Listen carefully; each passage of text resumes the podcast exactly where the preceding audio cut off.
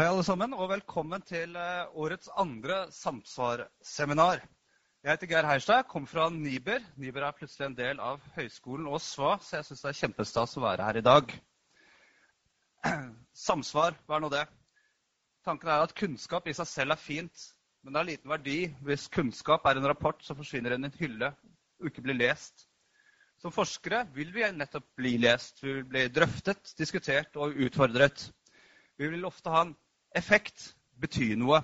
Samsvar tar dette ønsket videre og inviterer alle inn i dialogen mellom forskning og brukere. Inn i samspill og meningsutvekslingen mellom, mellom forskning og politikk, hele forskningsfeltet.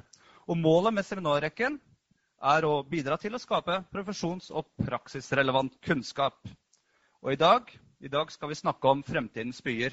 Hvem bygger fremtidens byer? Demokrati eller marked.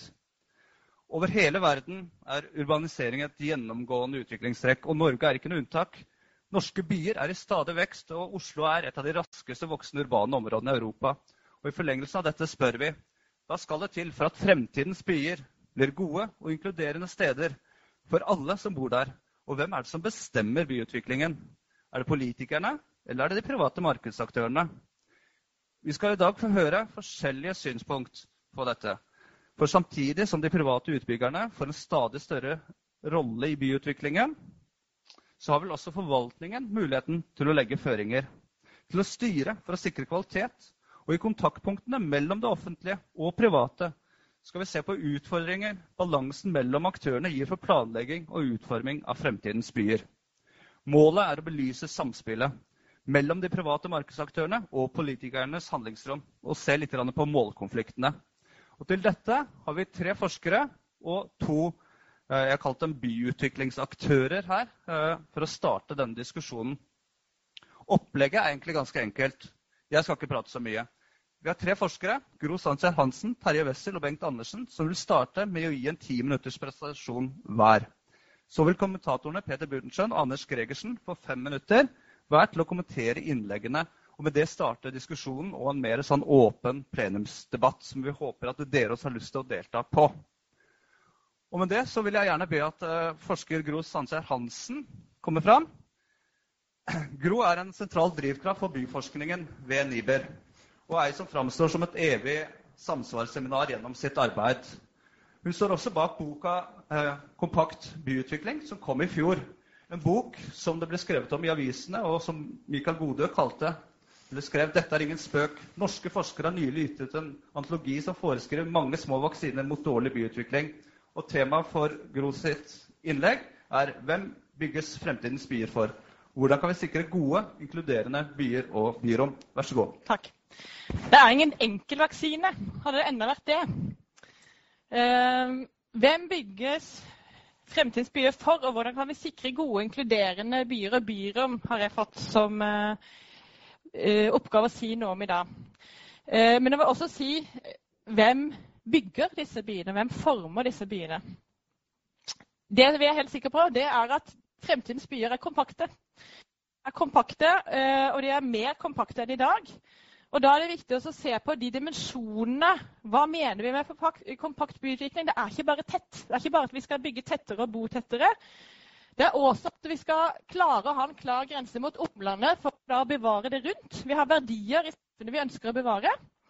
Eh, og vi på en måte må avskjerme for også å belaste de for mye. Vi eser ut. altså Arealbruken i Norge er ikke bærekraftig, slo Riksrevisjonen fast i 2007. Det er veldig lite som tyder på at vi har klart å snu den trenden. Selv om vi ser en bikke, vi har bikka litt. 3% tettere har vi blitt fra 2000 til 2012.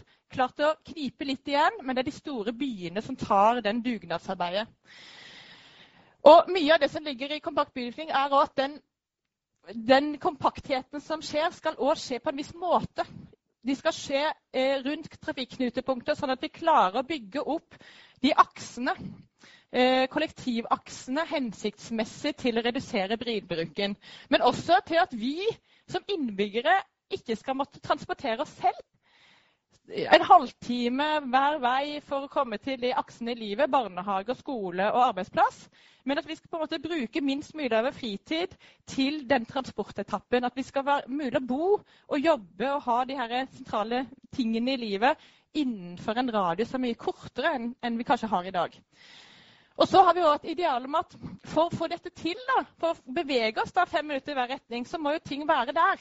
Vi kan ikke ha sånne store eh, drabantbyer langt utenfor byen som vi skal inn og ut fra på jobb. Det er på en måte å få den funksjonsblandinga rundt disse knutepunktene og rundt bydelssentre og den der polysentrismen i det. Og bygge opp rundt det, sånn at man kan bo og jobbe og ha sin fritid på samme sted, det ikke måtte gå så langt. Så Det er på en måte de viktige dimensjonene som vi prøver å få til, og som begrunner Kompakt by. Og så er spørsmålet, Dette er jo blitt et eh, nasjonalt mål som er blitt mye sterkere, mye mer trøkk på de siste årene. Vi har hatt det som et nasjonalt mål siden 90-tallet, men nå får vi mye mer trøkk. Hvorfor? Og mye av det er bærekraftighets, altså bærekraftsargumentet. Men får vi automatisk bærekraftige byer av mer kompakt byutvikling? Nei, sier vi. Hva må da til? Det må til prosesser som sikrer alle bærekraftsdimensjonene. Eh, også sosial og miljømessig bærekraft. For det første så er det da det som kanskje er Peter Butenschøns eh, fremste felt, altså den arkitektoniske bymessige kvaliteten. Byrom, arkitektur, funksjonsplanning og handel. Tette byens grunnelementer, gata, plassen og kvartalet som samlingspunkt, som det dynamiske. Det er vi vant til. Den diskursen er jo avisen hele tida. Men vi sier at vi må ha mer enn det. Her ser vi også Mjøsa og GL sine analyser om hvordan du kan koble byer og Mjøsa med og mer sammen. Hvor du kan liksom skape disse forbindelseslinjene, skape mer byliv. Men vi sier at i tillegg til det så har vi fått mer mål som et samfunn eh, som krever enda mer. Vi må tenke på enda flere ting. Vi må tenke på at fremtidens byer må være helsefremmende og aktiviserende. Hverdagsreisene må gjøres til fots og sykkel, og vi må stimulere mye mer aktiv eh, hverdagsliv for alle. Og da må man ha et livsløpsperspektiv i på en måte byen må formes for alle faser av livet. Både for å kunne ake etter skoletid eller barnehagetid. Her er noe av det tetteste i Oslo, rundt Sankthanshaugen. Å være aktive og ha på en måte en aktiv hverdagsliv. Hvor skal man henge rundt når man er 14 og egentlig bare vil henge? Klarer man å få hengesteder som man også er fysisk aktive? Her er skateparken i Hamar, hvor du ser det er mye henging, men innimellom så skates det også. At man får på en måte sånn aktiviserende hverdagsomgivelser. Og så har vi en eldrebølge. Vi må skape byer hvor eldre kan ha en aktiv hverdag og være stimulere, aktiviserende også for eldre. Hvor eldre slipper å være ensomme lenger. Hvor møteplasser også er forma sånn at de får dekka de behovene som man får lyst til å møtes der også om man er over 80 år. Så på en måte bygge byen, ikke bare for den 29-årige caffè latte-drikkeren, men også for 80-åringen og 8-åringen, for å ha stimulerende eh, omgivelser. Og så har vi omfordeling. Folkehelseloven sier vi i tillegg til å aktivisere befolkningen og fremme folkehelsen generelt, så skal vi bygge ned sosiale helseforskjeller. Og her har vi da omfordelingsperspektiv med folkehelseprofiler som viser hvordan befolkningen ligger i forhold til et gjennomsnitt, under eller over. Som kan da fores inn i planarbeidet for å si noe om hva må vi gripe fatt i her, akkurat her for å få opp folkehelse og for at ikke den skjevfordelinga mellom grupper skal til. I tillegg så ser vi nå et behov for mye mer inkluderende bymiljøer. Nettopp det å tenke både livsløp, men også tenke at alle grupper i samfunnet skal høre hjemme og føle seg hjemme og identifisere seg med stedene. Og da har vi igjen denne å sikre de sosiale møteplassene og urbane offentlige rom som favner faktisk alle. At du ikke bare har denne 29-årige caffè latte-drikkeren igjen. For mange av de nye torgene vi har, er veldig fjonge og fine. Men det er ikke alle som tenker at her skal jeg slå meg ned. Her kan toåringen min leke. Eller her er det, um, her er det på en måte pensjonisten som kan ha treff. Og bygge opp da rundt denne mellommenneskelige strukturen. Uh, de nettverkene, sosiale nettverkene i by. Og her ser vi da Oslo kommunes torg- og møteplass, kommunedelplan for torg- og møteplasser, som nettopp har det perspektivet. Vi må finne hvor er behovet for møteplasser. Jo, det røde er behov. Vi må finne behov. Og så må vi også si til utbyggere dere må sørge for møteplasser. Og det gjør Oslo kommune er veldig kule der. De har en sånn juridisk muskel de kan bruke i planloven, som heter planbestemmelse. Så sier de hvis du bygger mer enn 20 000, så må du bruke 5 av arealet ditt, ditt private areal, til å tilby byen en møteplass. Og her er da eh, Nydalen. Her er eh, Plantasjen. Gamle plantasjeparkeringer skal bli, nå bli en sånn 5 %-møteplass i Nydalen. Her det er et absolutt krav for kommunen å sette 5% til en offentlig torg- og møteplass og gi tilbake. Det er da noe man kan bruke denne styringen til. I tillegg så ser vi nå kanskje mer behov for å si hvem er det som symbolsk skal inkluderes i byrommene våre. Skal vi symbolsk ekskludere de som kanskje har behov for å sove på de benkene? De som har lyst til å bade fra kaia etter klokka åtte om morgenen. Hvor går grensene når vi nå bygger offentlige rom som er privat drifta? Hva kan man da ekskludere derfra? Der må kanskje politikerne mye mer inn og si hva som er greit å ekskludere fra. I tillegg så har vi den siste dimensjonen, som er grønne, klimarobuste byer. Vi skal mot et nullutslippssamfunn. Skal, øh, vi skal redusere utslipp, vi skal ha tilgang til natur, vi skal være tilpasset det endra klimaet, som øh, vi merker allerede. Og vi må ha sånn kindereggeffekt, kaller de det. At én ting må ha tre funksjoner. Dette er en overvannskanal. Dette er en overvannskanal på Fornebu. Men den er jo også en park og en lekeområde og rekreasjonsområde. Og, og i mye større grad tenke at også her fordrøyningsmagasiner og overvannskanaler som tar av for styrtregnet når det kommer, også skal ha flere funksjoner. Og da er spørsmålet hvordan sikrer vi det, da? Når vi har denne styringsformen i Norge som vi har. Fordi vi har en hybriditet. Vi har en, et plansystem som bygger på tre rasjonaliteter, styringsrasjonaliteter. Den tradisjonelle styringen, politikerne styrer. Vi har en lov som gir politikerne redskap, en vidunderlig verktøykasse å styre med. Ikke alltid vilje til å styre. Eh, og så har vi en av de mest markedsorienterte gjennomføringsmodellene i Norden. Fordi vi bygger ikke selv.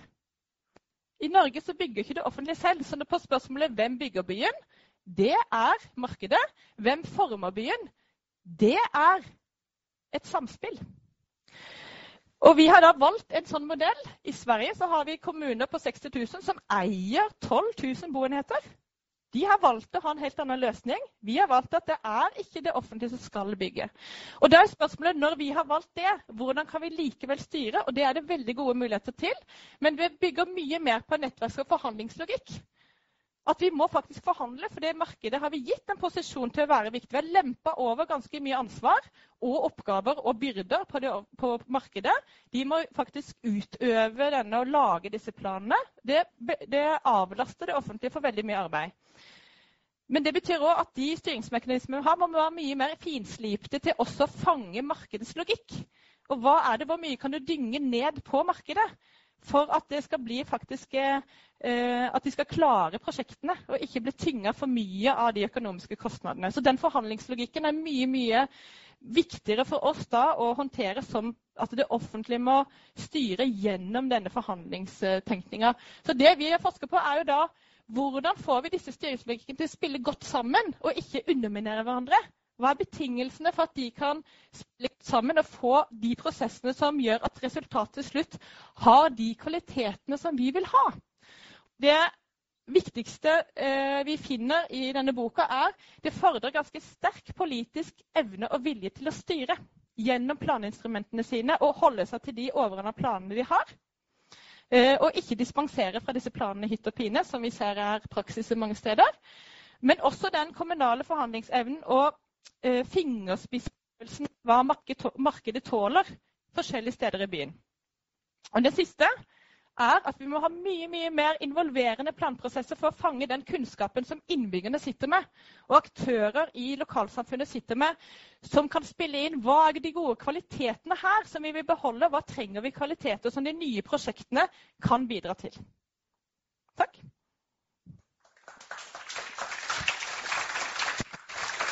Tusen takk. Jeg håper dere noterer. Vi åpner opp for spørsmål og kommentarer senere. Neste ut er Terje Wessel, professor i samfunnsgeografi ved Universitetet i Oslo. Han har jobbet med mye, men er spesielt interessert i ulikhet i byer. Byens økonomiske utvikling og urbane boligkilder. Og heldigvis utvikling og ulikhet kan han også snakke om i dag. Terje fikk ikke vite at han skulle forholde seg til ti minutter, så han har lagd et langt foredrag.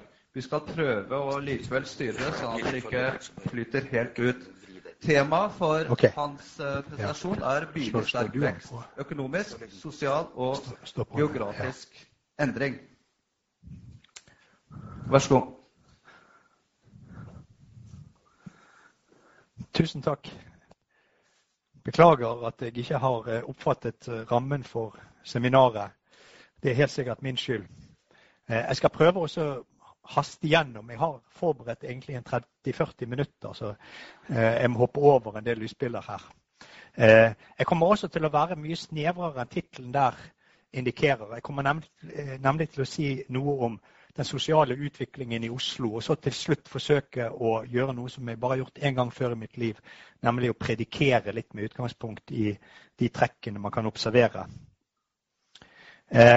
Dette her er en figur som viser eh, en viktig utvikling i Oslo, nemlig overgang fra industri til service. Eh, og I dette tilfellet da, så er den blå eh, linjen forretningstjenester, som i 1980 utgjorde rundt 10% av de sysselsatte i Oslo kommune. Jeg har brukt syv timer på den figuren der. Fordi at disse inndelingene har endret seg hele tiden. Det er så vanskelig å liksom være sikker på at du sammenligner det samme. Men det har jeg nå gjort.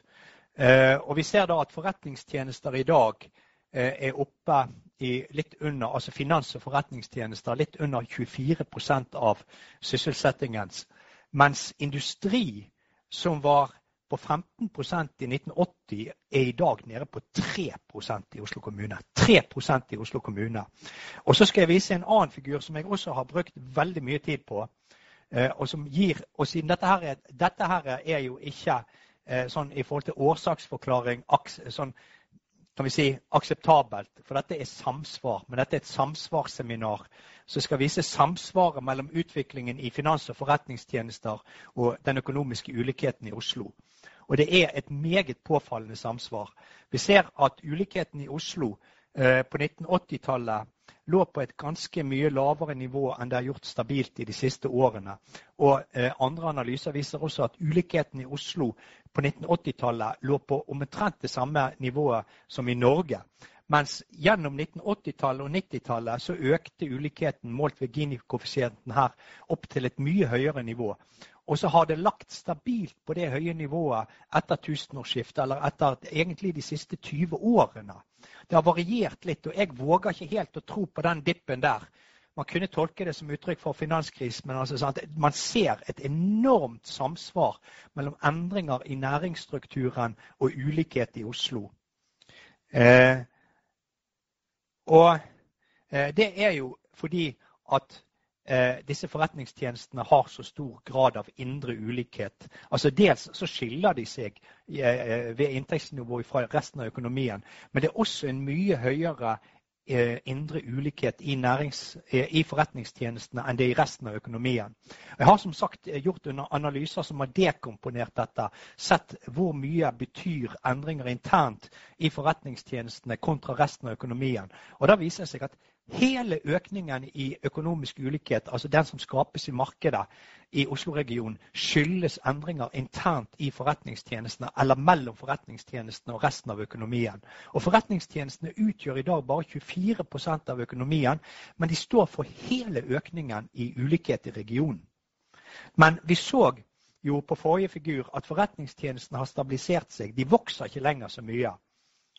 Eh, og en, Bare én sånn grunn til at det er så stor ulikhet i de forretningstjenestene, ser vi her. Eh, når vi sammenligner organisasjonsgraden internt i de næringene med resten av økonomien.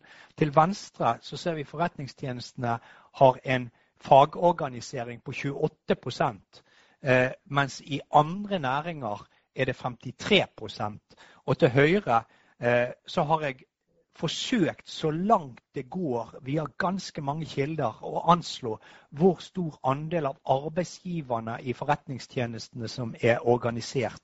Og det ligger sånn 10-20% Det er veldig vanskelig å finne prosenttall på det, men det er det man kan komme fram til ved å bruke forskjellige kilder. Mens gjennomsnittet for sektor er 65% Så forretningstjenestene de skiller seg ut i dramatisk forstand fra resten av økonomien når det gjelder eh, organisasjonsgrad. Eh, og det er jo også slik at forretningstjenestene er sterkt koblet til eh, verdensøkonomien. Eh, bare litt sånn der om Oslo. Eh, Oslo er jo blitt globalisert. Oslo har kommet inn på rankinger over verdensbyer. Og vi kan bli veldig imponert over at vi tilsynelatende har gått forbi København på noen sånne rankinger. Men hvis man graver ordentlig ned i det der, ser på detaljene, så vil man se at eh, Oslos måte, plass i det globale hierarkiet beror i ekstrem grad på den norske økonomien. Oslo er ikke noe tungt forretnings- og finanssentrum. Eh, Oslos plass i dette globale hierarkiet eh, og Oslos tilsynelatende globalisering beror i ekstrem grad på den rike norske økonomien. Eh, og det er klart at Med de utsiktene vi har i dag, eh, så er det også et viktig kan vi si, perspektiv. Og Bare for å illustrere det, så ser dere figuren til høyre her. Ja, la oss si, altså Hvorfor er ikke Oslo et finanssentrum? Vi er et styrtrikt land. Oslo er Norges brohode ut i den globale verden. Men Oslo er overhodet ikke noe finanssentrum. Oslo er et brohode for norsk økonomi. Og når vi ser hvordan ulike forretningstjenester eh, på en måte plasserer seg i, de ulike nett, i, i nettverk globalt, kan ikke gå inn på detaljene i dette, så ser vi at veldig mye av Oslos eh, plass her skyldes regnskap og revisjon og til dels konsulentvirksomhet osv. Mens på finans nummer 37 eh, i Europa Oslo burde vært et finanssentrum. Det er Stockholm som er finanssenteret i Norden. Og vi ser her antall ansatte i finanssektoren i Stockholm og Oslo. Det er mange ganger flere i Stockholm. Og Stockholm har store internasjonale banker. De har store hovedkontor. Er, nei, Stockholm er virkelig et senter eh, finansielt i Norden som Oslo ikke har klart å bli. Så kan vi diskutere hvorfor det er tilfellet. Men slik er det. og Det betyr at med nedgangen i norsk økonomi, eller kan vi si i hvert fall en stabilisering i norsk økonomi, vi vil ikke kunne vokse på samme måte lenger, eh, så vil også det påvirke Oslos posisjon. Og det vil påvirke disse forretningstjenestene. Og det innebærer indirekte at forretningstjenestene ikke vil ha den samme på måte eh, påvirkning på ulikhetene i Oslo i årene framover. Og ja, det er ingen tegn eh, dog til at det internt i forretningstjenestene eh, er en økende organisasjonsgrad. Det er absolutt ingen tegn som jeg kan se i de tjenestene på at de vil gå mot det vi kan kalle for den nordiske modellen. Tvert imot så har jo f.eks. Finansforbundet, eh, som er den delen av altså finanssektoren er den delen av forretningstjenestene som har høyest organisasjonsgrad. Og Finansforbundet eh, de har jo bestemt at deres hovedkanal for lønnsforhandlinger det skal være den individuelle lønnssamtalen. Det skal ikke være kollektive forhandlinger. Så det er ingen tegn på at dette her går i retning av den nordiske modellen. Så Derfor så vil forretningstjenesten i årene fremover fremdeles ut øve en stor innvirkning på ulikheten i regionen. Men dette kan variere med konjunkturer, og økt arbeidsledighet kan selvfølgelig gi større skjevheter.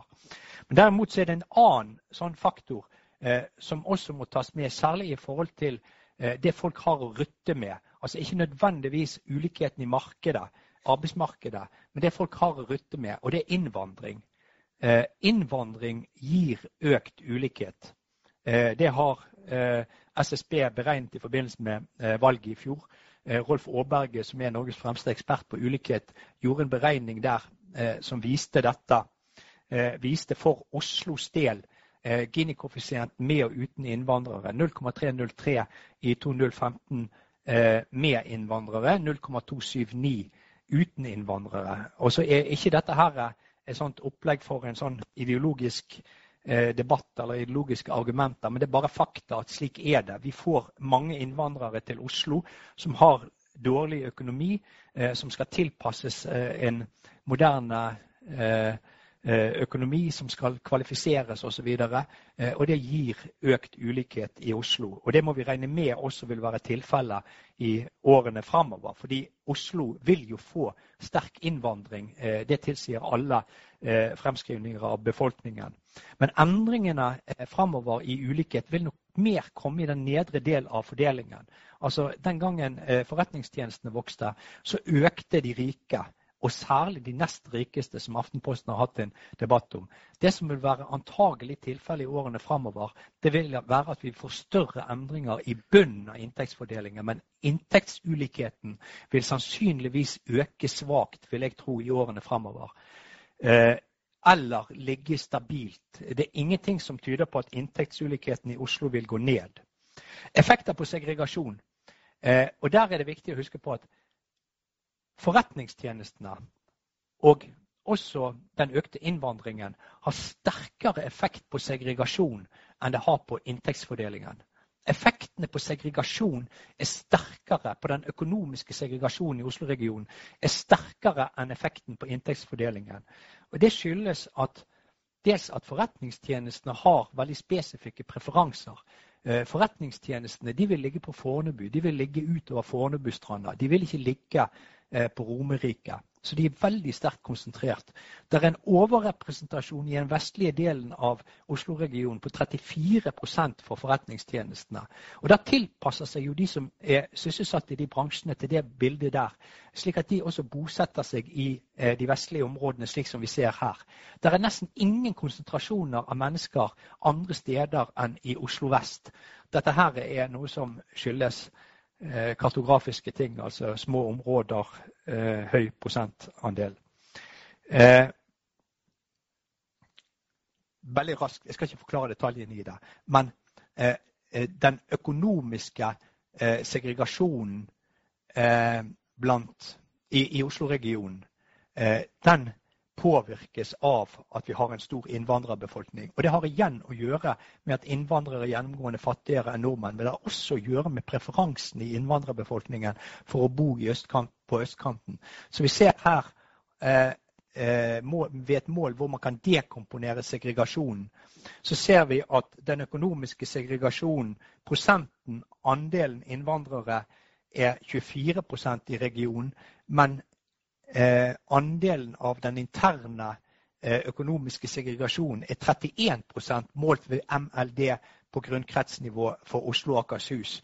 Mens vi ser at for etniske nordmenn eh, så er andelen 76 eh, mens andelen av den økonomiske segregasjonen den er 43% Og så er resten det er segregasjon mellom de gruppene.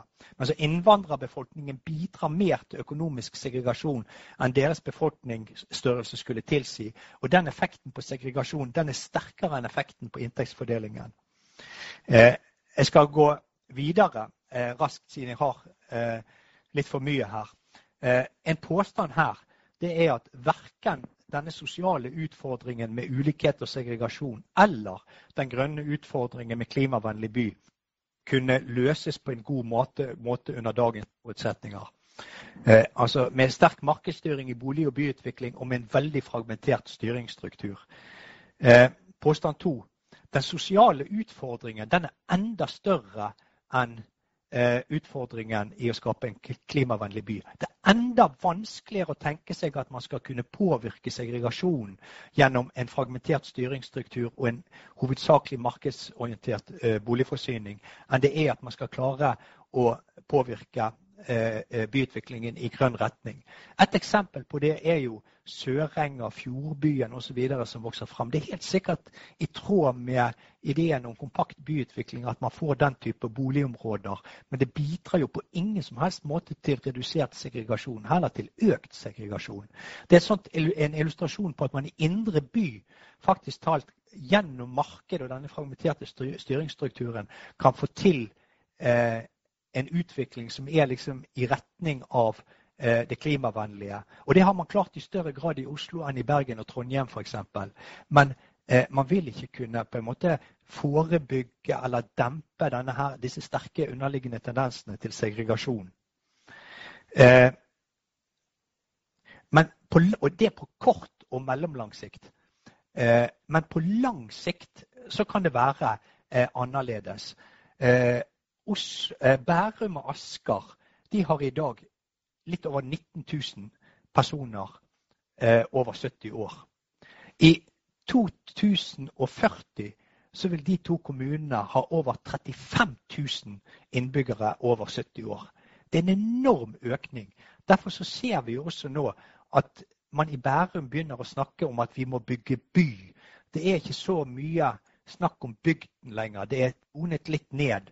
Det står stadig vekk i avisene på vestkanten at man må begynne å bygge by. Eh, og dette her eh, til høyre her, eh, det er en sånn illustrasjon på eh, en utbygging på Bekkestua hvor eh, man nettopp Overskriften der er vi må bygge mer by. Bekkestua må bli mer by. Så det er en utvikling i den retning. Og det er naturlig å tenke seg at det der vil fortsette også i årene fremover, gitt at det vil være så sterk vekst i de eldre alderskullene i Bærum og Asker. Eh, og det eh, kan man tenke seg på 40-50 år vil føre eh, til eh, endringer i boligstrukturen. Eh, disse boligene som i dag bygges for velstående mennesker i 50-60-70-årsalderen, de vil om 40-50 år være et tilbud i markedet, kanskje for barnefamilier, kanskje for unge. Og de veldig små kullene eh, som om eh, 15-20 år eh, vil være i, ja, i 40, mellom 30 og 50 år i disse kommunene her, tilsier at det vil endre markedsbalansen mellom småhus og blokker. Det vil bli mer blokker sannsynligvis, og dette kan påvirke segregasjonen på sikt på en utilsiktet måte. Eh, så eh, jeg tror det at Og jeg har eh, veiledet en masteroppgave som viser at eh, kommunene i vest følger jo ikke opp F.eks. Miljøverndepartementet sine retningslinjer når det gjelder bærekraftig byutvikling.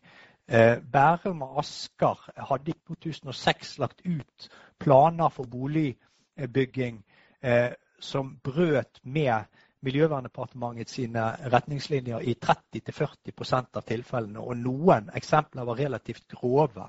Kåre Willoch var ganske opptatt av dette her og stoppet en del slike prosjekter. Eh, så min påstand er at med dagens styringsstruktur, selv om man nå har en fin plan, selv om man er enig om samarbeidet, så ser man allerede nå litt sånn tendenser til at eh, dette binder ikke altfor mye. Ørskog Høland de mener selv at de har fire sentre. Eh, de er ikke interessert i å satse på ett senter. De har masse plass i skogen der. De vil ikke uten videre binde bebyggelsen i ett senter. Så eh, den styringsstrukturen der er overhodet ikke hensiktsmessig i forhold til verken eh, miljøutfordringen eller denne sosiale utfordringen. En løsning kan være å slå sammen fylkene Oslo og Akershus. Men det er også slik at man selvfølgelig må regulere utbyggingen mye sterkere, slik som forrige taler var inne på. Og så er det også slik at man, eh, som hun også var inne på, eh, antagelig trenger andre og nye institusjoner i boligsektoren. Altså sånn at Man trenger noen grep eh, for å kan vi si, eh, lose unge kull inn i boligmarkedet eh, som er mer effektive enn de grepene man har i dag. Takk. Tusen takk. Og beklager at vi jager deg gjennom.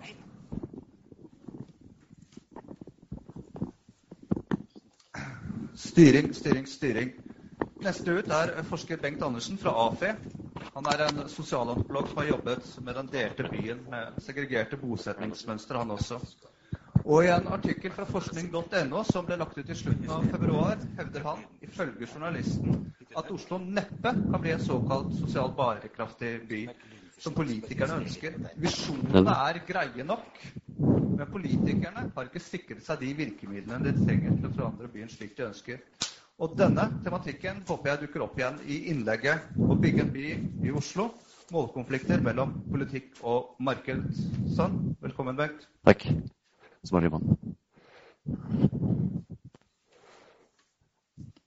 Som dere ser, så har jeg endra litt på denne tittelen her, da.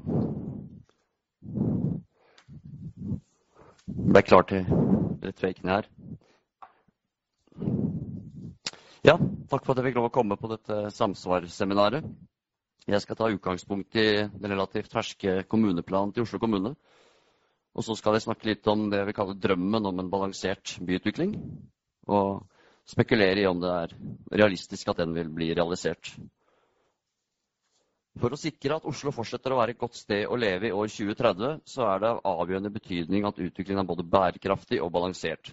Dette betyr f.eks. at byen må forhindre boligsegregering og opphoping av levekårsutfordringer. Sentralt her er altså kommuneplanen som vi ser skal bidra til en byutvikling som på en langsiktig og systematisk måte bidrar til å motvirke sosiale forskjeller. Det er også relevant å nevne at i 2010 så sluttet Oslo kommune seg til det felleseuropeiske charteret for integrerende byer. Her forplikter man seg til å jobbe for å øke eller legge til rette for multikulturell mangfold i byens mange nabolag. Videre heter det i kommuneplanen det er sentralt å legge til rette for eh, balansert vekst og utvikling og unngå fremveksten av en segregert by, hvor bosted får betydning for hvilke muligheter man har for å lykkes i livet. Kommunepolitikerne i Oslo vil altså ha en balansert byutvikling, noe som bl.a. betyr at det ikke skal være segregert til at godene er ulikt fordelt i bygeografien. Men hvordan ser det ut i dag? Det har jo Terje snakka litt om. Altså, det er store forskjeller mellom eh, øst og vest. Men det er også en del forskjeller som er si, mer materielle enn liksom, fysiske. Vi ser bl.a. det er ulike, på, ulike master etter hvor man er i byen. Men det er også andre forskjeller. Hvilke institusjoner som du finner hvor i byen. Altså Nesten alt det man kan kalle prestisjeinstitusjoner, finner du lokalisert til vest.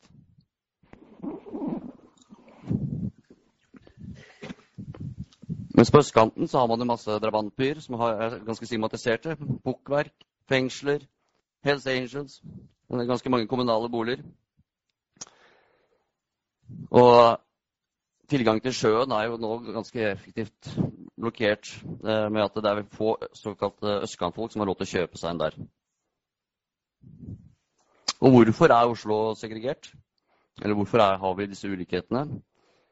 Eh, det er jo mange eh, årsaker til det. Man kan f.eks. se på eiendomsmeglernes rolle, som bidrar. Man kan se på hva politikerne har tenkt, på når de har plassert kommunale boliger på ulike steder i byen. Og man må i hvert fall se til Oslos historie.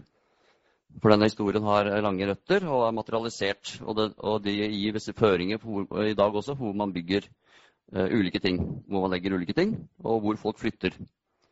Uh, når vi flytter som, individer, så flytter vi ofte til steder hvor, det bor andre som oss selv. Dette bidrar til å opprettholde et uh, segregert bylandskap. Og de som bygger byen, er ofte noen helt andre enn de som planlegger den.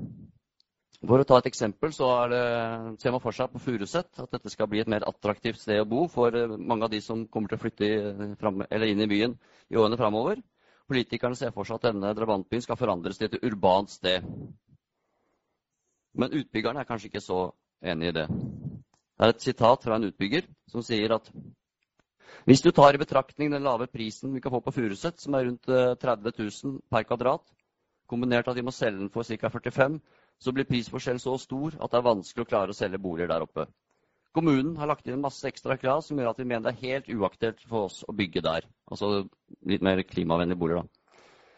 Da klarer vi ikke å selge. Om de ønsker sånt prosjekt, må de heller velge noen tomter i Bjørvika eller et annet sted som har betalingsevne. Jeg har forsøkt å fortelle kommunen at man ikke får til en bystruktur på Furuset. Det er ikke mulig, det. Det er typisk kommunen. De har en sånn drøm av og til om sånne ting. Samme boligbygger var, var, dog veldig klar på at han var villig til å bruke mer kostbare materialer og kostbare løsninger på vestkanten.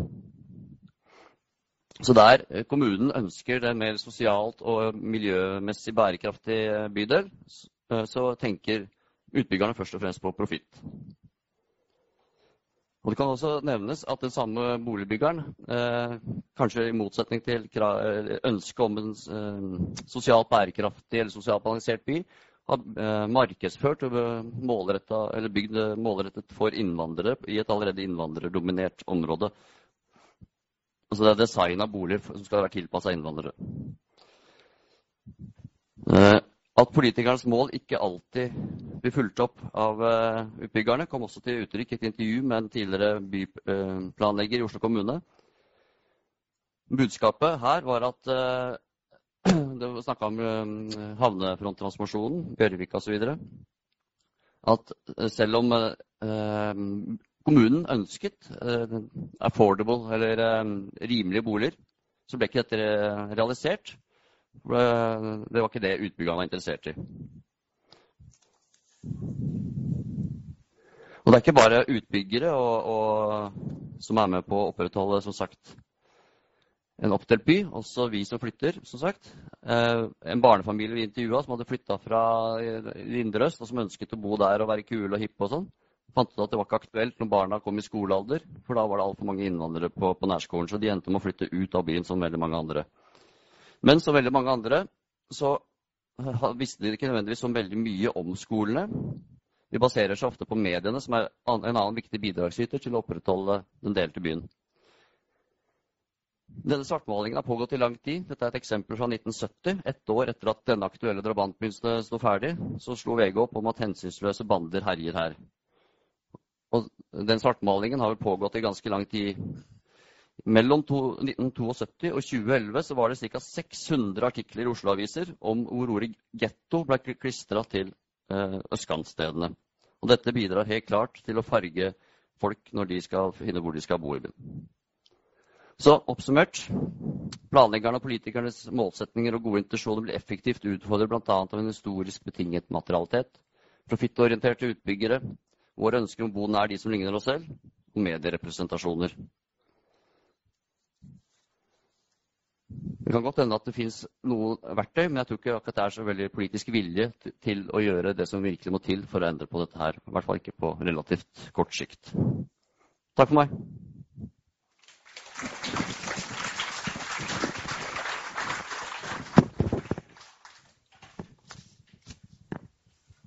Takk, Bengt.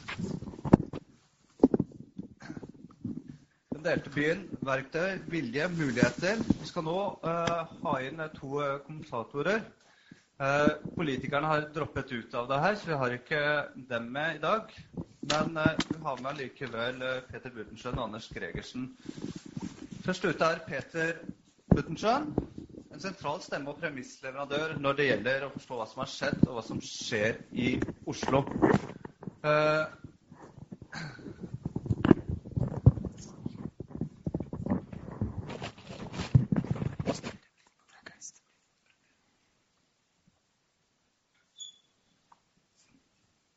Sånn. Velkommen. Takk. Premissleverandør var noe svært. Jeg tenkte jeg enten skulle holde et trekvarters innlegg om byarkitekturens betydning, eller et femminutters innlegg om funksjonsblanding. Og når jeg så hvordan Terje Wessel ble jaget ned fra podiet Men etter trussel om tre kvarter, så tror jeg jeg velger det siste. Hvem er det som styrer? Altså er forholdet mellom Jeg har bare lyst til å ta et tema som Gro var inne på, og som Bengt også til slutt var noe inne på, nemlig forholdet mellom funksjonsblanding på den ene side og, og bærekraft og bykvalitet. Jeg tror vel, Min hypotese er vel at uh, Eh, det er ikke mangel på gode idealer. Det er ikke mangel på vilje, men, men de, som noe, det er de som vil noe og har noen idealer et sted, da er det noen andre et helt annet sted som vil noe helt annet. Og de er stort sett jobber i samme, f.eks. i samme stat.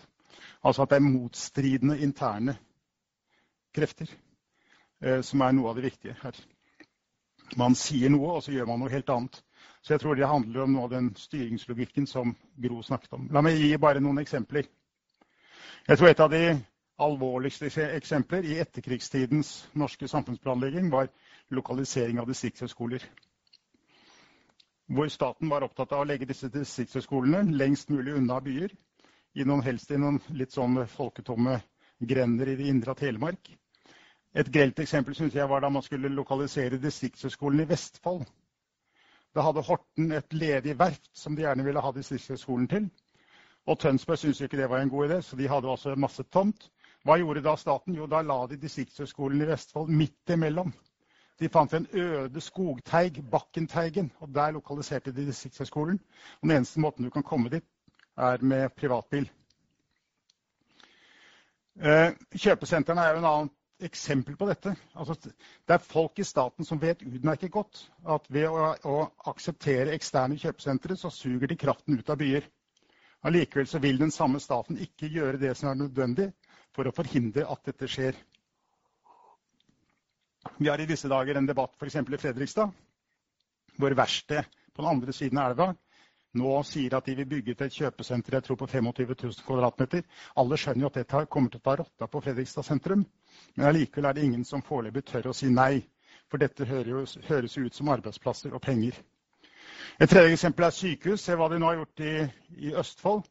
Hvor de altså har plassert det nye distriktssykehuset på en, et flott, flatt jorde langt nord for Sarpsborg. Og de eneste som kan komme dit, de er jo leger og sykepleiere med egen bil. Mens altså gamle damer og ungdom de kommer jo ikke til dette sykehuset. Sånn driver de også i Møre og Romsdal, hvor de altså har funnet en flat tomt et sted mellom Molde og Kristiansund. Dette er den måten man ødelegger byer på. Og staten, Det er altså staten som på den ene side sier vi skal ha knutepunktutvikling, vi skal ha tetthet. På den annen side så legger de politihus, tinghus, Statens vegvesens distriktskontorer utenfor byene fordi det er en billig tomt og mye parkeringsplasser. Det er den måten man undergraver sin egen politikk på. Så det er, det er i det, det, store bildet, altså hvor forutsetningene for tett bærekraft, eller tette, bærekraftige byer, undergraves av den samme staten som fremmer denne ideologien. Et annet litt mindre eksempel er hvordan dette fungerer i det lille bildet. Et relativt ferskt eksempel er Vinkelplassen på Maurstua, hvis dere har et bilde av den. Der var det for noen år siden eh, syv-åtte forskjellige små butikker og kafeer. Og så syntes da kommunen at dette var en veldig viktig plass. Her var det jo masse mennesker. Og så gikk da Bymiljøetaten inn og brukte en masse penger av en eller annen merkelig grunn uten å få private bidragsytere, så vidt jeg vet. De brukte i hvert fall 15 millioner eller noe sånt til å lage et veldig flott torg med granitt og benker og sånn. Hva skjedde da? Jo, eieren av bygningen på begge sider av vinkelplassen sa da opp samtlige leietakere og leide ut hele bygningen til en bank. Derved så var det ikke lenger noen grunn til å være på vinkelplassen for folk. Fordi funksjonen og Gro, du snakker jo om betydningen av å lage disse små plassene. Forutsetningen for at en liten plass skal kunne fungere sosialt, er at det er funksjoner i, i veggen av den plassen som folk har bruk for. Det er ikke nok å ha granittflater og benker. Du må, noe, altså det, du må ha det danskene kaller De sier den gode, den, den gode, by har myke kanter, sier de i Danmark. Det vil si det er mange dører, mange vinduer. Det skjer mye i fasadene, i bygningene som ligger ut mot plassen. Du lager ikke en god plass hvis du lager en sånn amerikansk bankplass.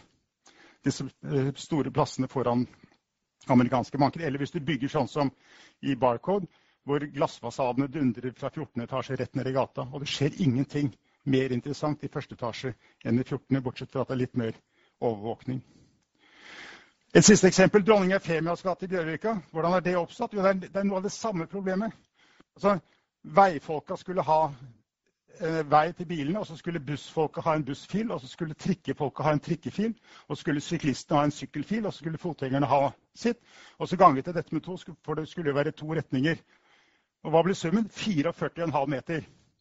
Vel, som, altså det er mer enn dobbelt så mye som en ordinær Oslo-gate. Men ingen i den, i den, prosessen så ut til å ha mandat til å stille et spørsmål henger dette sammen. Altså er, Blir summen riktig? Altså ingen hadde, ingen hadde, ansvar for å se noe utover sektoren. Så jeg tror det som mest, mer enn noe dreper disse byene, det er, jo, det er sonedelingen som vi fortsatt driver med. At hver ekspert passer på sitt, og fordi alle eksperter da får sitt, så tror vi av en eller annen grunn at det blir bra, men så er det, noen, så er det ingen som helt tar seg kraft til å stille spørsmålet men henger nå dette egentlig sammen? Vet den ene hånden hva den andre gjør?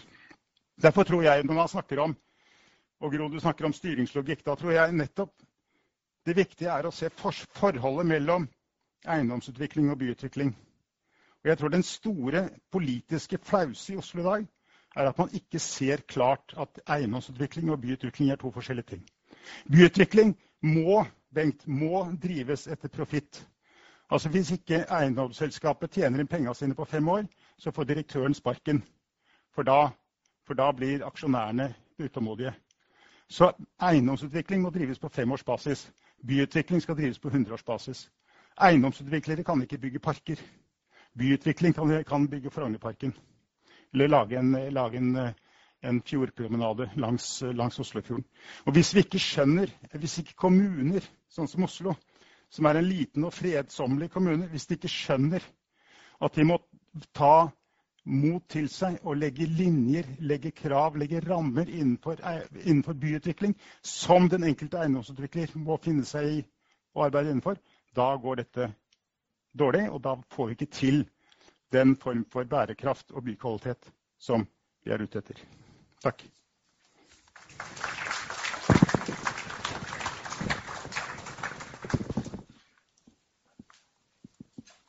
Tusen takk. Den neste kommentatoren er uh, Anders Gregersen, som er administrerende direktør i Obus uh, Fornebulandet. Det var snakk om ja. å slå sammen Oslo og Akershus her. Mm. Og det er også snakk om at uh, Bærum må bygge by. Noen av dem som bygger på Bærum og Fornebu, er Obus. Nå har de også, som en midlertidig tillemping av gjeldende regelverk, fått i oppgave å bygge såkalt sosial infrastruktur, som enkelte har vært inne på her for å kunne bygge enda flere boenheter. Og Kanskje du hører noe mer om det? Jeg vet ikke. Eh, det kan vi godt snakke lenge om. Hører du meg, eller var det litt uh, Er det greit? Uh, ja, takk for at uh, jeg fikk komme. byutvikling er jo vi nå også blitt veldig opptatt av på Fornebu. og hvis vi er litt tilbake på disse kompromissene som, som Petter nevnte, så, så, er jo det også den planen som ble lagt i 99 for, for Fornebu, er faktisk en, en, et kompromiss, og det blir sjelden gode planer.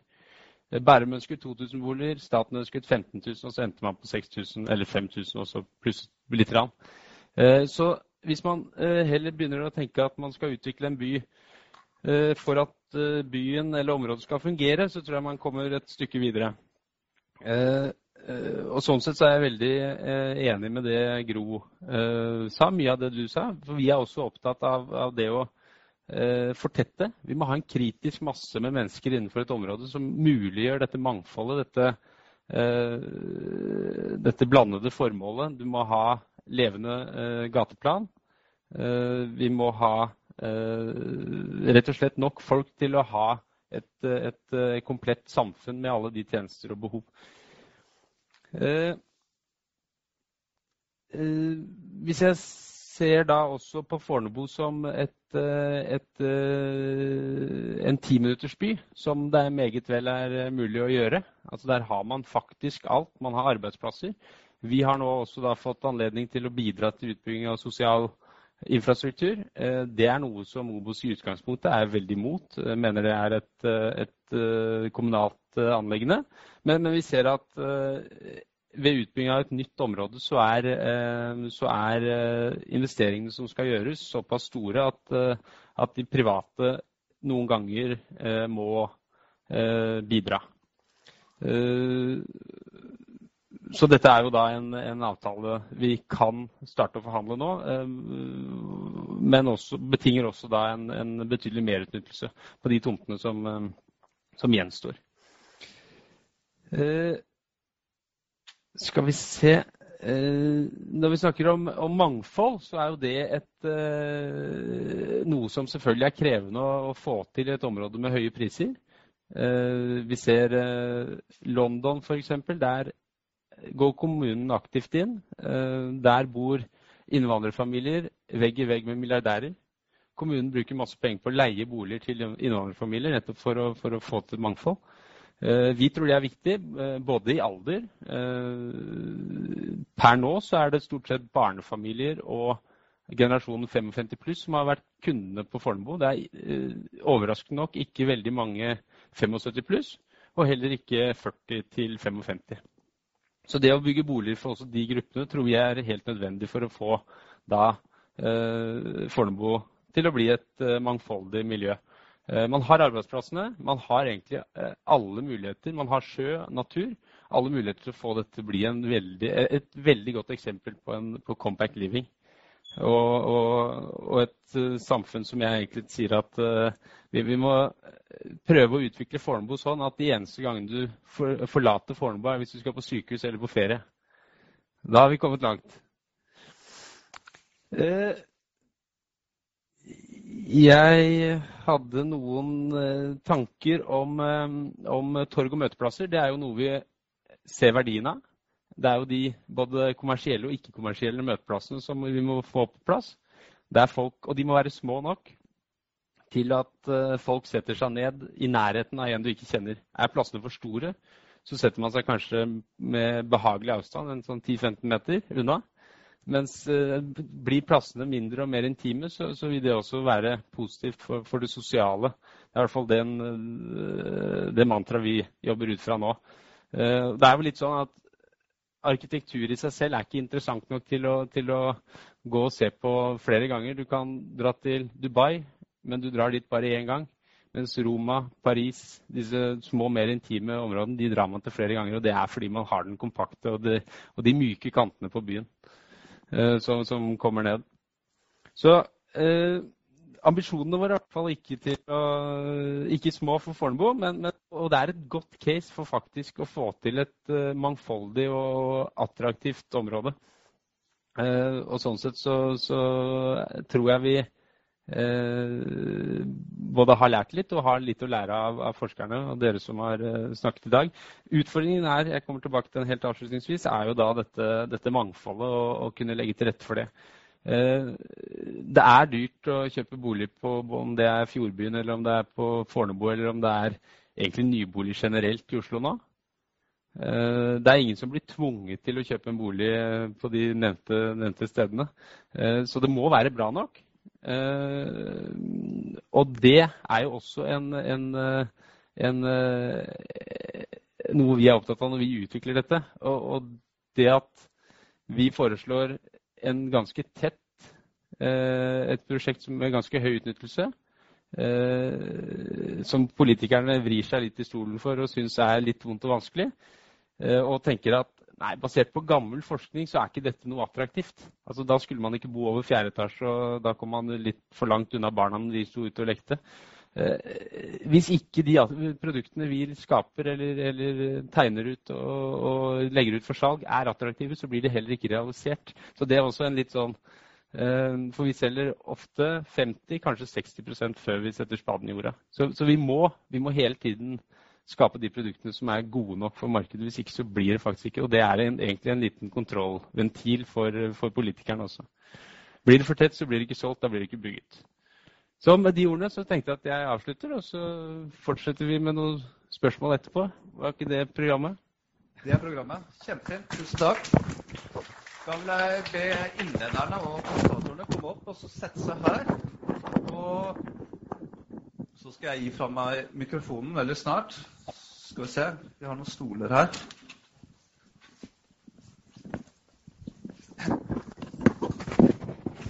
Åssen by vil vi egentlig bo i? Vi vil at den skal være mangfoldig. Den skal ikke være så veldig delt. Den skal være ha mange muligheter. Vi skal ikke reise så veldig langt. Den skal være miljøvennlig. Den skal være inkluderende. Det har vært litt, om ikke styringsoptimisme, så en tro på at ting lar seg styre. At vi kan få til den byen vi ønsker å ha. Vi har også hørt litt mer om styringspessimisme og sett på noen av disse utfordringene det ligger i eh, å få til en god funksjonsblanding knyttet til eh, motstridende interne ønsker. Og jeg vet ikke om noen av dere innlederne har lyst til å, å ta opp uh, tråden på noe av det som har blitt sagt av uh, kommentatorene her ja, nå, eller om vi skal uh, åpne opp direkte fra, fra salen. da håper jeg da at det er flere her som har noen spørsmål. Vi har en sånn Nei, det har vi ikke det. En sånn rar mikrofon her som vi kaster rundt. Og man kan prate inn i denne puta. Mm. Ja. ja. Vi har eh, et spørsmål her på nå. Tror det. Hvor er det et spørsmål? Der. Det tar to sekunder før Skal vi bytte? Ja? Du smaker i rett inn igjen.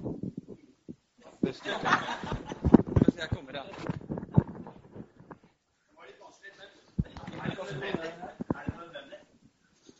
Nei. Men eh, eh, mitt navn er Olaf Stene. jeg representerer eh, de som eh, ønsker profitt. Det er profittdrevet. Eh, for tiden så jobber jeg litt sammen med pensjonisttilværelsen i Bømøforeningen i Oslo. Jeg har tidligere jobbet i eiendomsbransjen og i NHO i mange år. Og for så vidt også en bakgrunn som byutviklingsbyrå for mange år siden. Jeg har en litt generell kommentar. Og den er hva slags by vil du ha, hvordan skal vi få det? Eh, det er overskriften. Marked eller demokrati. Mitt synspunkt er marked og demokrati. Det er sannsynlig. Jeg tror eh, Tone Sandskjær Hansen egentlig var inne på det. Det er liksom den, den, den vinklingen som jeg tror gir løsninger. Og så savner jeg også litt Ofte så snakker man om virkeligheten sånn som den er, kontra en idealtilstand som ikke finnes andre steder enn i forskerens hode. Det som kan være interessant, er at f.eks. sammenligne Oslo og Stockholm. Eh, Sverige er en mye mer sentralstyrt eh, stat enn Norge.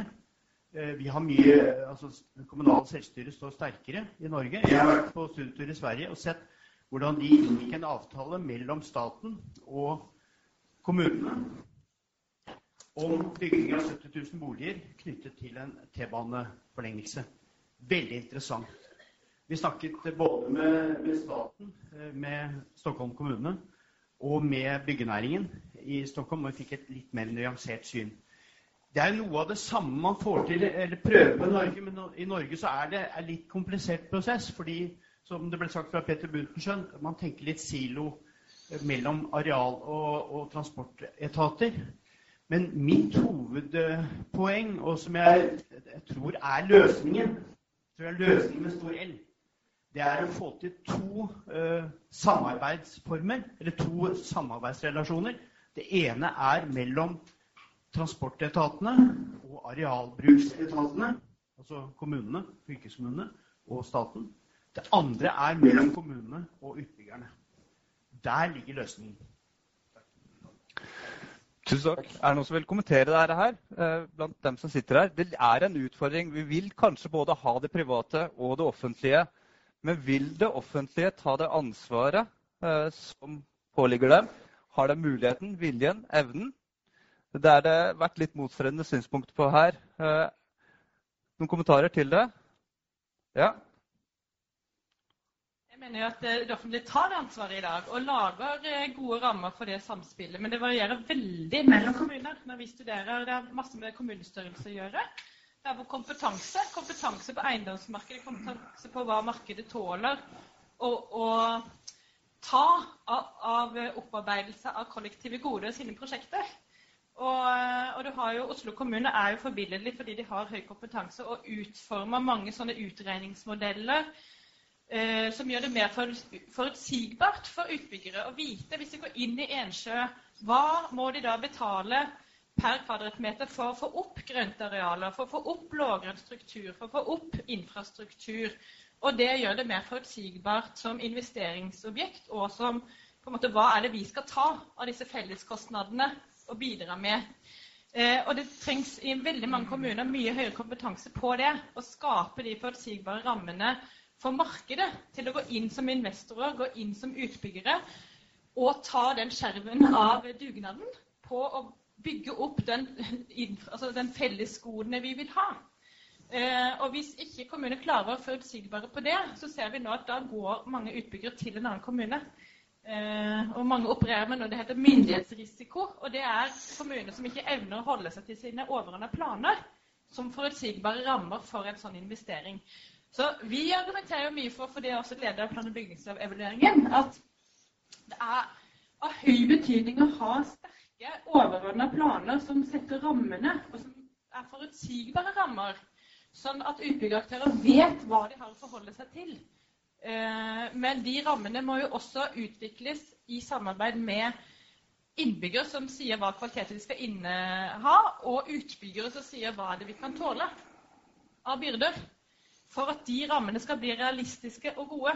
Og den jobbinga med de rammene og på en måte få lov å ha overordna planer som sterke rammer, den må vi nå ta fatt i. Og nå har vi dessverre et lovforslag som har i seg endringer til plan- og bygningsloven som virker i motsatt retning. Mm. Men Oslo er forbilledlig. Samtidig så har vi hatt et par prestasjoner her som også peker på en litt sånn motsatt uh, utvikling. Men du hadde kanskje et innspill der? Ja, se på. Par ord om, eh, om overordnede planer og, og viktigheten og eh, utfordringene med de. Eh, det, altså hvis, hvis, vi ser på overordnede planer som lages f.eks. på Ensjø-området eller Hovenbyen nå Hvis man da Eh, styrer fullt og helt etter disse generelle planene som legges, så, eh, eller hadde gjort det på Ensjø, så er jeg sikker på at den utviklingen av Ensjø ville vært eh, kommet halvparten så langt, i beste fall. Det skyldes at dette er områder som det er bebyggelse på, som det er gode leieinntekter på i form av lagerlogistikk. Og for i det hele tatt å få utbyggere til å, til å, rive denne kontantstrømmen og ta den store sjansen det er å faktisk eh, føre opp et bygg og håpe at du selger eh, da i hvert fall de siste 50 etter at du har begynt, eh, da må det være nok gulrot eh, i det til at du faktisk eh, tør å gjøre det. Så, så basert på det så er jeg eh, generelt bekymret for at man skal styre 100 innenfor disse overordnede planene. Eh, særlig hva gjelder, hva gjelder uh, regulert utnyttelse. Mm. Byutvikling, eiendomsutvikling, er det du snakker om? Byutvikling? Mm. Jeg er helt enig med Olav Stene. Det er klart vi snakker, om, vi snakker om demokrati og marked. Men jeg tror de færreste her i salen eller i dette landet tror at markedet skal styre seg sjøl. Altså Man må gå til Donald Trump eller Ted Cruz for å finne folk som vil at markedet skal være helt ustyrt.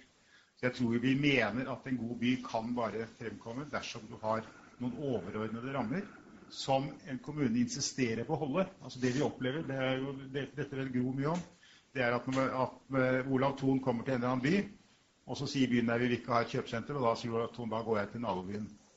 Og da, da, tør ikke byen å si nei, enten det er Olav Thon, eller det er Coop, Mega, Maxi, hva det heter for noe, eller det er Sektor eller Amfi eller noe sånt.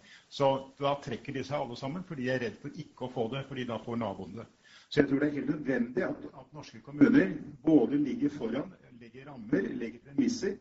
Og det tror jeg den gode byutvikler er den gode eiendomsutvikler, og da, vi har en del meget gode eiendomsutviklere, gudskjelov, i denne byen de setter pris på at det er noen overordnede rammer som de vet de kan forholde seg til, og som ikke forandres det øyeblikk det kommer eh, en eller annen inn på ordførerens kontor som eh, lokker med, med, et eller annet som ikke er helt, eh, helt, fornuftig i forhold til de overordnede rammene. Så jeg tror vi må ha disse rammene, ellers så, ellers så faller byen fra hverandre. Og det er, altså det er, ganske mange formål i byen som ikke løses av markedet. Mm. Som politikerne må ordne med. Det er, og det, det snakket jo du om, Bent. Sånn hvis man sammenligner øst og vest, det er ganske mange av disse forholdene av ulike, ulikhetene som ikke håndteres av markedet, og hvor vi må ha sterke politikere. Ja, men... Det er ikke det for å virke eh, eksotisk, men jeg kom i dag fra Istanbul. Istanbul, Da jeg var der første gang, hadde 1 million mennesker. Nå har de 17 millioner mennesker. Pluss at det altså er et politisk system som er i fullt kaos på vei mot det mest autoritære, og de har millioner av mennesker som kommer inn fra Syria, Afghanistan og andre, andre land i arabiske land. Hvis vi tror at vi har store problemer i dette landet, så tror jeg vi skal ta en tur til, til Istanbul. Altså, dette er peanuts. Hvis ikke vi i denne byen kan greie å lage en god by som er bærekraftig, og som er uh, sosialt integrert, så burde vi skamme oss. Dessuten har vi alle de arealer vi trenger. Vi behøver bare å dra 11 minutter til Lillestrøm eller til Ski med toget, så har vi alle de arealene som er nødvendige. Bengt, eh, vi har planene her. vi trenger dem, men du antyder ganske sterkt at viljen er ikke der i hele tatt. Det hjelper ikke det heller. Se på hva politikerne som satt i, styrte byen før, før skiftet nå, så, så mente de at Oslo ikke var segregert. Så jeg tenker at det har jo litt med hva slags virkelighetsforståelse man har også. Eh, og så tror jeg vel at, så er jeg helt ærlig, at mange politikere egentlig ikke kan så veldig mye om byutvikling. Eh, når du hører hva de sier, så er det stort sett svada. Altså, de sier kvalitet. Hva er kvalitet? Det er jo bare et tomt ord. ikke sant? De sier bærekraft. Vet du ikke hva det innebærer heller. Nei, så ja. Eh, og de planene som de eventuelt formulerer, jeg vet ikke om jeg har så veldig mye tro på det. for helt ærlig. Mm. Nei, ja, vil du ja, eh, jeg er veldig enig med det som eh, Butenschøn sa eh, om at byutvikling skjer i et veldig langt eh, tidsperspektiv. Man må ha et hundreårsperspektiv minst. Eh, og jeg er også enig i det som har vært sagt om at marked og administrasjon må samarbeide. Og jeg er helt enig man kan få til veldig mye bra på et sånt lokalt nivå. Eh, altså sånn fleksible tilpasninger. Der kan faktisk talt rasjonaliteten herske. Men rasjonaliteten hersker ikke på det overordnede planet med den styringsstrukturen vi har i dag.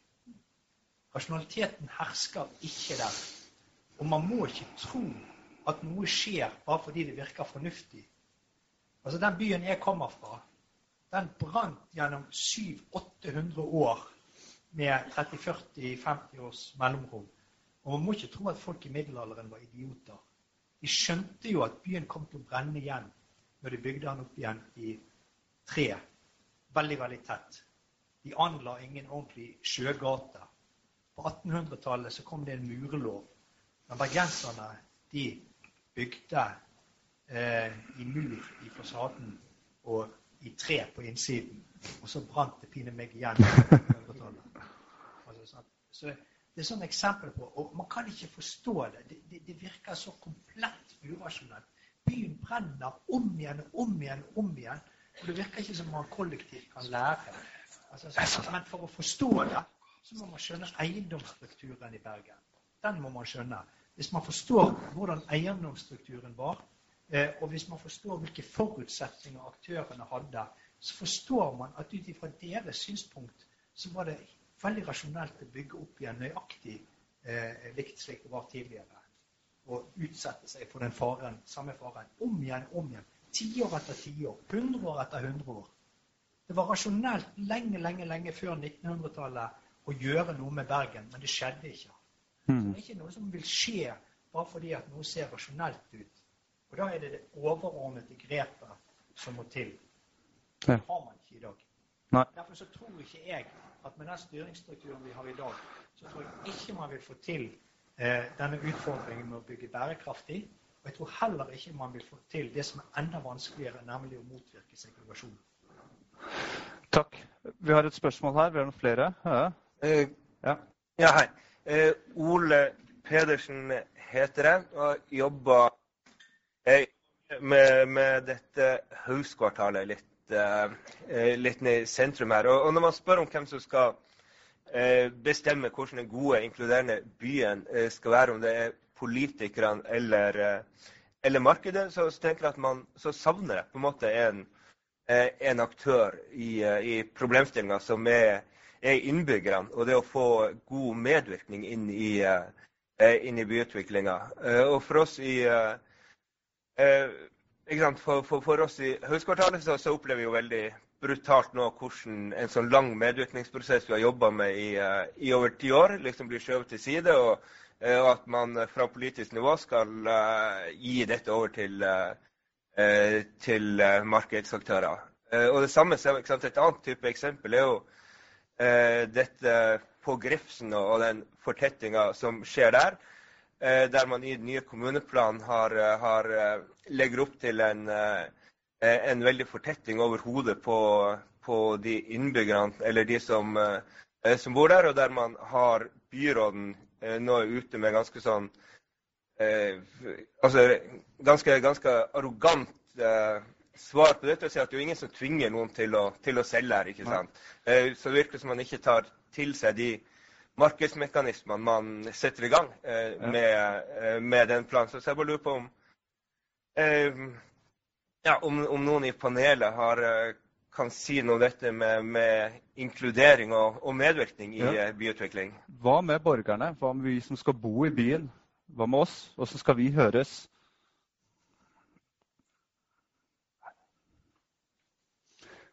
Ja, tar du og, og svarer eh, kjapt på det, så får vi aspekt du bringer opp. Eh, og noe av det siste jeg sa, var jo det at vi trenger eh, mye mer gjennomgående involvering eh, i alle planprosesser. Både de overordna planene som skal rammesette det skal, men også i hvert enkelt utbyggingsprosjekt, f.eks. som Esmania kvartalet. Eh, og vi ser da at kommunene har veldig vanskelig for å klare å mobilisere i de store kommuneplanprosjektene. Og Grefsen-eksempelet er et veldig godt eksempel på det. For det var åpning for involvering der. Det var i, i kommuneplanprosessen som har vært de siste årene, så var det høringsmuligheter. Det var mulighetsvinner for å involveres. Men man klarte ikke å få dette ut til innbyggerne. Man klarte ikke å mobilisere, man klarte ikke å informere nok at det er nå du skal handle. Det er nå du skal opp på barrikadene og slåss for området ditt. Og dermed så oppdager man det helt i ettertid når planen er vedtatt. Og dette er historien om planlegging i Norge. At, at mulighetene er der ved loven. Vi har formelle mulighetsvinduer helt i starten av, av prosessen og i høringsfasen. Men det går de fleste hus forbi. Og man reagerer først, eller får vite det først når det på en måte nesten bygges. Og da kommer reaksjonen, og da kommer enorme skuffelsen og fremmedgjøringen. Hvorfor ble vi ikke spurt? Og det må man gjøre noe med. Og Oslo er ikke best case på involvering. Eh, kanskje er det fordi Oslo er så stort. Vi har ingen god involveringstradisjon i Oslo og planlegging i Oslo. Så det er noe som Hadde byrådet vært her, så hadde jeg utfordret de på det. Eh, for det må vris om, for at det påvirker så mange mennesker. Så endringer i kvartaler, utbyggingsrådet områder endrer livssituasjonen og på en måte de nære omgivelsene for mange mennesker. Det påvirker mennesker umiddelbart. Og de må få lov til å sagt sitt som er mye bedre organisert måte enn i dag. Takk. Nytt spørsmål? Ja, det er Per Gunnar Røe, kollega Terje Wessel på Institutt for sosiologi og samfunnsgeografi. Eh, jeg tror det er et eh, problem at eh, så mye av politikken og de politiske beslutningene er påvirket av forførelsens kunst. Eh, på ulike nivåer. Jeg vil ta Fjordbyen som et eksempel. Fjordbyplanen hadde en veldig overordnet visjon da den ble lansert, nærmest med sånn kontrakt mellom byen og politikerne og entreprenører og, og folket. Eh, man skulle få kontakt med fjorden, befolkningen skulle få kontakt med fjorden. I tillegg skulle den være sosialt og kulturelt mangfoldig. Eh, det som skjedde når man skulle ta de faktiske beslutningene som skulle føre til dette mangfoldet, var for det første, som er nevnt her før, at eh, det å sette til side boliger for vanskeligstilte, altså for såkalt affordable dwellings, det ble politisk eh, nedprioritert. Det gikk man bort ifra. Man la ned det såkalte kulturoppfølgingsprogrammet som skulle sikre et kulturelt mangfold, så det ikke bare ble kulturtilbud for, eh, for eliten. Ehm, en annen side ved dette er at i enkeltprosjektene så er Eh, de visuelle visjonene og representasjonene, altså fortellerkunsten, som blitt så utrolig viktig for å få gjennomslag når man skal eh, få fram prosjekter i arkitektkonkurranse f.eks. Og der visualiseres byen som selvfølgelig et sosialt mangfold, uten at det er noen virkemidler som kan sørge for dette mangfoldet forlater tegnebordet og eh, AutoCAD og går inn i en virkelighet hvor man faktisk får det mangfoldet.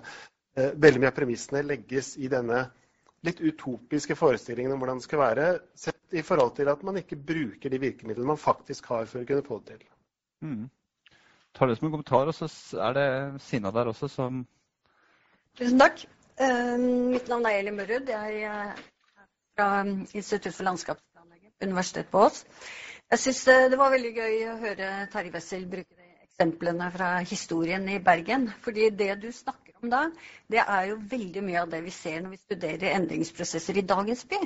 Ikke sant? Altså Den dynamikken som ligger i samspillet mellom da de som eier, altså eierstrukturen og eiendomsstrukturen, det er det som driver byutviklingen frem. Og Det er det, det samme problemstilling som det ble snakk eh, eksempelet fra Ensjø. Altså Hva er det egentlig som gjør at det offentlige klarer å gjennomføre planene sine? Det er jo at da besitter de eiendommene hvor initiativet for å endre, gjennomføre de endringene, faktisk føler en drivkraft for å gjøre det. Og jeg, Fra mitt ståsted så tenker jeg at det, et av de største problemene eller utfordringene vi har i dag, er jo det at når du skal fortette til en bærekraftig by, så skal vi planlegge å endre en by som allerede er i bruk. Og den er i bruk på veldig mange forskjellige måter. Og de redskapene vi har, som er forankret i et litt sånn gammeldags system, hvor vi skal bygge en helt ny by, og de idealene om å bygge en helt ny by, det er ikke tilpasset til det. Sånn at vi må faktisk tenke at vi skal planlegge på en måte samtidig med at byen endrer seg, for den er jo kontinuerlig i endring. Og når planen kanskje skal begynne å eh, gjennomføres, så er det skjedd noe nytt som ligger utenfor den planen. Og markedet er regulert ikke bare gjennom lovens reguleringer, men også på veldig mange andre måter som påvirker disse, prosessene. Og der tror jeg vi er altfor dårlige uh, til å skjønne disse prosessene. Og jeg tror, tror jeg som da eh, har liksom et forskningsbein inn i det feltet som heter by vi ser at det er utrolig spennende å se på de gamle prosessene. Hva er det som skjedde når byen utvikla seg før, før, den moderne planleggingen? Hvordan utviklet byene seg da? Det kan vi lære masse av. Ja, vi har bak her også. Jeg kaster nå. Fanger du? Takk. Eh, jeg heter Lena Magnusson Turner og er forsker på NOVA. Strategin som har diskuterats nu, ikke bare for Oslo og Norge utan også for städer utenfor Norges grenser, er förtätning. Byutveckling sker gjennom förtätning. Men vad jag saknar här, det är en mer kritisk diskussion om vad, vad innebär det här egentligen? Och då är det förtätning både horisontellt och vertikalt. Men vi pratar inte om förtätningens nackdelar. Utan här, här är det bara förtätning med positiva förtecken. Vad skapar vi för boendemiljöer, både socialt men också fysiskt mellan husen? Vad är det för eh, miljö för barnen som ska växa upp? Och som Terje har nämnt, kommer de här nybyggda förtätade områden att vara helt befriade från familjer med barn och bli då segregerade, kanske både demografiskt och ekonomiskt. Och här saknar jag framför allt att vi forskare kan bidra med lite mer kritiska diskussioner kring förtätning. Det duger inte, tycker jag, med att säga att, att det finns en efterfrågan. Så fort man presenterar projekten så är det, är det köpare. Det här kan ju vara köpare som, som flyttar in, flyttar ut väldigt raskt. Vi skapar omsättning i bostadsområdena, områden som inte blir stabila och långsiktigt hållbara. Det här är ju områden som ska stå i minst 100 år. Takk. Burde vi ta et skritt tilbake? Vi ikke bare ta fortetning som et premiss? Eh, Bengt? Følge opp litt med det med fortetting og kanskje boligkvalitet. for Jeg var på et annet seminar for noen år siden, og da var det de to sentrale politikerne som drev med byutvikling i Oslo da, fra hvert sitt parti, som ble utfordret litt på hva, dette, hva slags boliger som kom ut av disse fortettingene. Og da sa de begge to sånn ja, Det står jo fritt til alle å kjøpe eller ikke kjøpe, men vi er veldig glad for at vi slipper å bo i disse nye boligene. Mm. Det er vi talende. Det bygges mye dårlig, rett og slett. Gro? En eh, liten kommentar. Det er veldig spennende det du bringer opp. og Vi har ett kapittel i den boka eh, eh, som jeg hadde som, som ser på eh, Nydalen og ser på de nye, veldig tette bebyggelsen der. Og det som går frem der, er jo til forskjell fra drabantbyene. I drabantbyene så var det på en måte likens eh, boligkjøpere som kjøpte, og man, man, var lik de som bodde i etasjen under. Og, og, det var like, så ser vi mye mer differensiering. At du har penthouse-leiligheten på toppen, og så har du noen litt større familieboliger, litt sånn, og så har du veldig små leiligheter nederst. Så på en måte den sosiale differensieringen kommer inn i samme boligprosjekt mer og mer. At du selger de store uh, utsikten på toppen, og så får du mer de små på bunnen. Og det vi ser i de prosjektene vi har studert der, det er at du får interne spenninger mellom de eh, interessene til disse, bolig, nei, disse sosiale lagene da, som kjøper. Noen da selger en bolig på Grefsen og flytter inn i penthouset. Og så har du veldig mye utleieleiligheter nederst, som er studenter med festing. Og så har du da barnefamiliene imellom. Og da får du festing nederst, barnefamilier og noen som kanskje vil ha enda mer ro i etasjene øverst. Og det fører til veldig mye nabolangsspenning. Hvordan håndterer man det som utbygger Obos? Hva gjør man da med uteområdene? Altså, klarer man da å lage soner nok til å skjøtte behovene til alle de gruppene, sånn at de spenningene ikke forpester hele nabolaget? Får man de sosiale nettverkene, de gode naboskapene, med å putte såpass forskjellige um, bolig, boligbehov da, inn i samme prosjekt. Vi ser enorme spenninger og veldig mye sånn fluktasjoner, veldig mye gjennomtrekk fordi de spenningene oppstår. Og det er på en måte noe nytt. som Den variasjonen innad i hvert prosjekt hadde man kanskje ikke så mye av før som nå. Mm. Har, eh, Anders, har du noen kommentarer til det? Dere vil jo bygge kompakt. Vi vil bygge kompakt. og Når det er sagt, så, så, er det ingen av de kjøperne våre som, eh, som blir tvunget til å kjøpe hos oss. Eh, og de som kjøper hos oss, har også mulighet til å kjøpe bolig mange andre steder. Eh, nybolig er som kjent ca. 15-20% dyrere enn en bruktbolig. Så, så, hadde det ikke vært kvalitet på det, så, så ville det ikke vært, vært et kundegrunnlag for det. Men tilbake til variert befolkning i, i samme oppgang. Eh, det er klart at uh, eksempler med festende ungdommer i første etasje og familier som, uh, som uh, har barn som våkner av litt fest midt på natta i etasjen i midten, og, og toppleilighetene med, med 55 pluss med nedbetalt villa som er solgt, det er jo ikke det vi heller ønsker, men det er fort sånn det blir. Markedet styrer det der litt, og, og det er med på Og det er så Det har blitt så krevende å få realisert de prosjektene at man må faktisk I hvert fall har vi innsett det, at vi må ta ut det vi klarer å ta priser på, på de ulike etasjene for å, eh, for å, for å hele tatt få realisert prosjektene. Uh, og så kunne man sikkert hatt en høyere kvadratmeterpris eh, isolert sett hvis man hadde hatt eh, anledning til å bygge veldig små leiligheter igjen. Altså, og den diskusjonen den, eh, den, har man jo kommet litt tilbake til. Fordi enhetsprisen går veldig opp når alle disse tekniske kravene også kommer inn. da. Mm. Jeg er litt over på, på, på pris og kostnad. Eh, jeg hadde også bare en liten refleksjon her rundt eh, rundt torg og møteplass. altså, Da tenker jeg på kvaliteter ved prosjektene og rundt prosjektene, utearealer.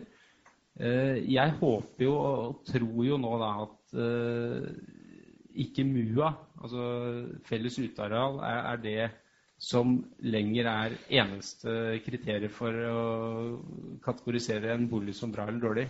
Altså Alle boliger som lages nå, er stort sett egen balkong.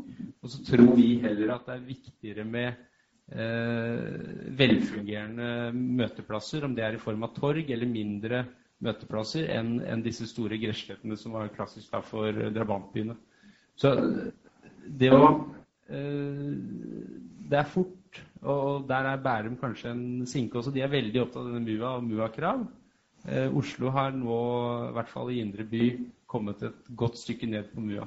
Så jeg tror det er viktig også for å skape møteplasser for ikke bare barnefamilier og piknik eller drikkende ungdom, men, men eh, også for, for, de som vil møte fremmede. Så er disse møteplassene viktige. Mm. Vi har to uh, spørsmål og kommentarer til. Ja? ja det er Terje Sundgodt Hansen her. Tidligere arkitekt, men jeg fordypet meg litt i byplanlegging og slike ting. Eiendomsutvikling nå de siste årene. Og eh, Ensjøbyen ros. Og eh, når man går inn i Ensjøbyen, så er det jo pent å være der, for å si det sånn. Men hvis man er nabo og som nabo til Ensjøbyen, så er også grenseveien i nord det er å oppleve en berlinermur. Også denne overgangen mellom disse sonene, den er skremmende. Og eh, her har det jo tidligere vært et eh, reguleringsperspektiv på fire etasjer. Og så får de nå lov å bygge seks til åtte etasjer. Og vel, da trenger jo ikke en Ensjøby noe støyskjerm. For det får de jo med denne, denne massive blokkbebyggelsen. Men for de som da bor på nordsiden av grenseveien, så har de jo da mistet alle forutsetninger for å si, få solgt sine rekkehus eller andre ting. Og det syns jeg virker veldig hensynsløst av politikere som da tillater dette her. Og eh, på den annen side så skaper det jo da nye problemer, sånn som hvis man går bort til Hovindveien og ser på utbyggingen på Tidemannsjordet, så er jo tilgjengeligheten fra Hovindveien har blitt eh, sterkt redusert. Trangere, mer bilparkering, vanskeligere tilgjengelig inn i området. Og det belaster jo da naboområdene. Og Så blir det da spennende å se hva denne Hovindbyen vil ende i. Fordi dette med reguleringshøyder det, det, er jo en forutsetning for de som allerede bor i området. Og når man da ser at naboer blir liksom ikke involvert eller tatt hensyn til fordi politikerne da gir dispens eller omregulerer på politisk grunnlag. Så er vi litt tilbake til det som ble sagt midt i panelet, at politikerne kanskje ikke skjønner helt hva de driver med. For de tar da ikke hensyn til naboer. Så ut fra et estetisk synspunkt så syns jeg også at det er lite vurdering av konsekvensene av det også hele tiden dispensere og ikke ta hensyn til overganger mellom områder. Ja, ja. Takk. Jeg tok det som en kommentar. Så var det et spørsmål der, som vil bli det siste. Vær kjapp. Uh, hei, hei. Jeg heter Emil Flate. Jeg er journalist i Morgenbladet. Um, jeg bare lurte på dette med, med, denne sammenligningen med Stockholm som gjorde. Um, med Stockholm. Ja. For hvis jeg har forstått den teorien om verdensby riktig, så vil det være sånn at når du har en høyere konsentrasjon av visse sektorer, type finans eh, og globaliserte sektorer, så vil du også se en større økonomisk ulikhet. Så jeg lurte på om du har sett på de tallene, om du ser det samme samsvaret i Stockholm. For hvis det ikke gjør det, så tyder kanskje det på at det ligger noe i den styringskulturen i Stockholm som er uh, viktig å, å være om. Ja, jeg kan svare raskt på det. Um, Eh, det er ikke gjort eh, studier av Stockholm som bryter det opp på samme måten som vi har gjort for eh, Oslo. Men det er helt opplagt at ulik, ulikheten har økt kraftig i Stockholm. Segregasjonen har økt mye mer i Stockholm enn i Oslo. og dette kan tilbakeføres til de samme strukturelle endringene. Men også er det et faktum at Stockholm har et litt vanskeligere utgangspunkt med disse her eh, drabantbyen fra millionprogrammet eh, for en 40-45 år tilbake i tid, og som gjør at de har en fysisk struktur der som skaper eh, segregasjon. Men ellers er det slik at eh, Stockholm er et tungt finanssenter, tungt forretningssenter i Europa. Eh, og Stockholm har sånn sett på en måte en, en rolle og en økonomisk dynamikk som er mindre avhengig av utviklingen i Sverige enn det Oslo har, etter min oppfatning, i forhold til Norge. Eh, og Derfor så må vi også regne med at når vi nå går mot vanskeligere økonomiske tider i Norge, eh, så vil det kunne slå inn i Oslos økonomi på en ganske tydelig måte. Eh, kan jeg bare komme med et lite spørsmål til flere arkitekter som har Eh, og flere som har snakket om politikernes manglende forståelse for dette med dynamikk og bevegelse og hvordan man får møteplasser og sånt noe å fungere. Det jeg, jeg lurer på, det er liksom fagfolkene her, landskapsarkitektene, arkitektene. Hvorfor bygger man slike områder som liksom all kunnskap tilsier ikke vil fungere? Altså, eh, det ble nevnt f.eks. Eh, dronning Eufemias gate osv. Eh, eh, Barkoden osv. Eh, for eh, åtte-ni år siden så ble jeg invitert til en diskusjon hvor vi skulle diskutere nettopp det. Hvordan kan Oslo, eh, fjordbyen i Oslo utvikles? Og hvordan kan fjordbyen i Oslo lære av det som har skjedd i Hafen City i Hamburg? Eh, så vi var en gruppe som ble flydd ned til Hamburg og diskuterte med planleggeren i Hamburg. Og det kom utrolig mange gode råd fra de folkene som hadde utviklet Hafen City, på hvordan du kunne få uterommene, hvordan du kunne få mangfold. Kunne, eh, altså både på det funksjonelle plan og det sosiale plan. Men det virker ikke liksom som det har hatt noen læringseffekt. Det er en liten utfordring til fagfolkene. Og med det så tror jeg vi er nødt til å sette strek her. Det er flere som er nødt til å gå her nå. Så hvis vi skal så, eh, så får vi heller eh, ta det etterpå. Da vil jeg gjerne takke dere som, til dere som kom. Og så vil jeg takke til dere som innledet og, og kommenterte. Med, og takken er eh, påskekonfekt. Eh, da blir det påske. Ja. kjempefint. Sånn. Tusen takk. Sånn.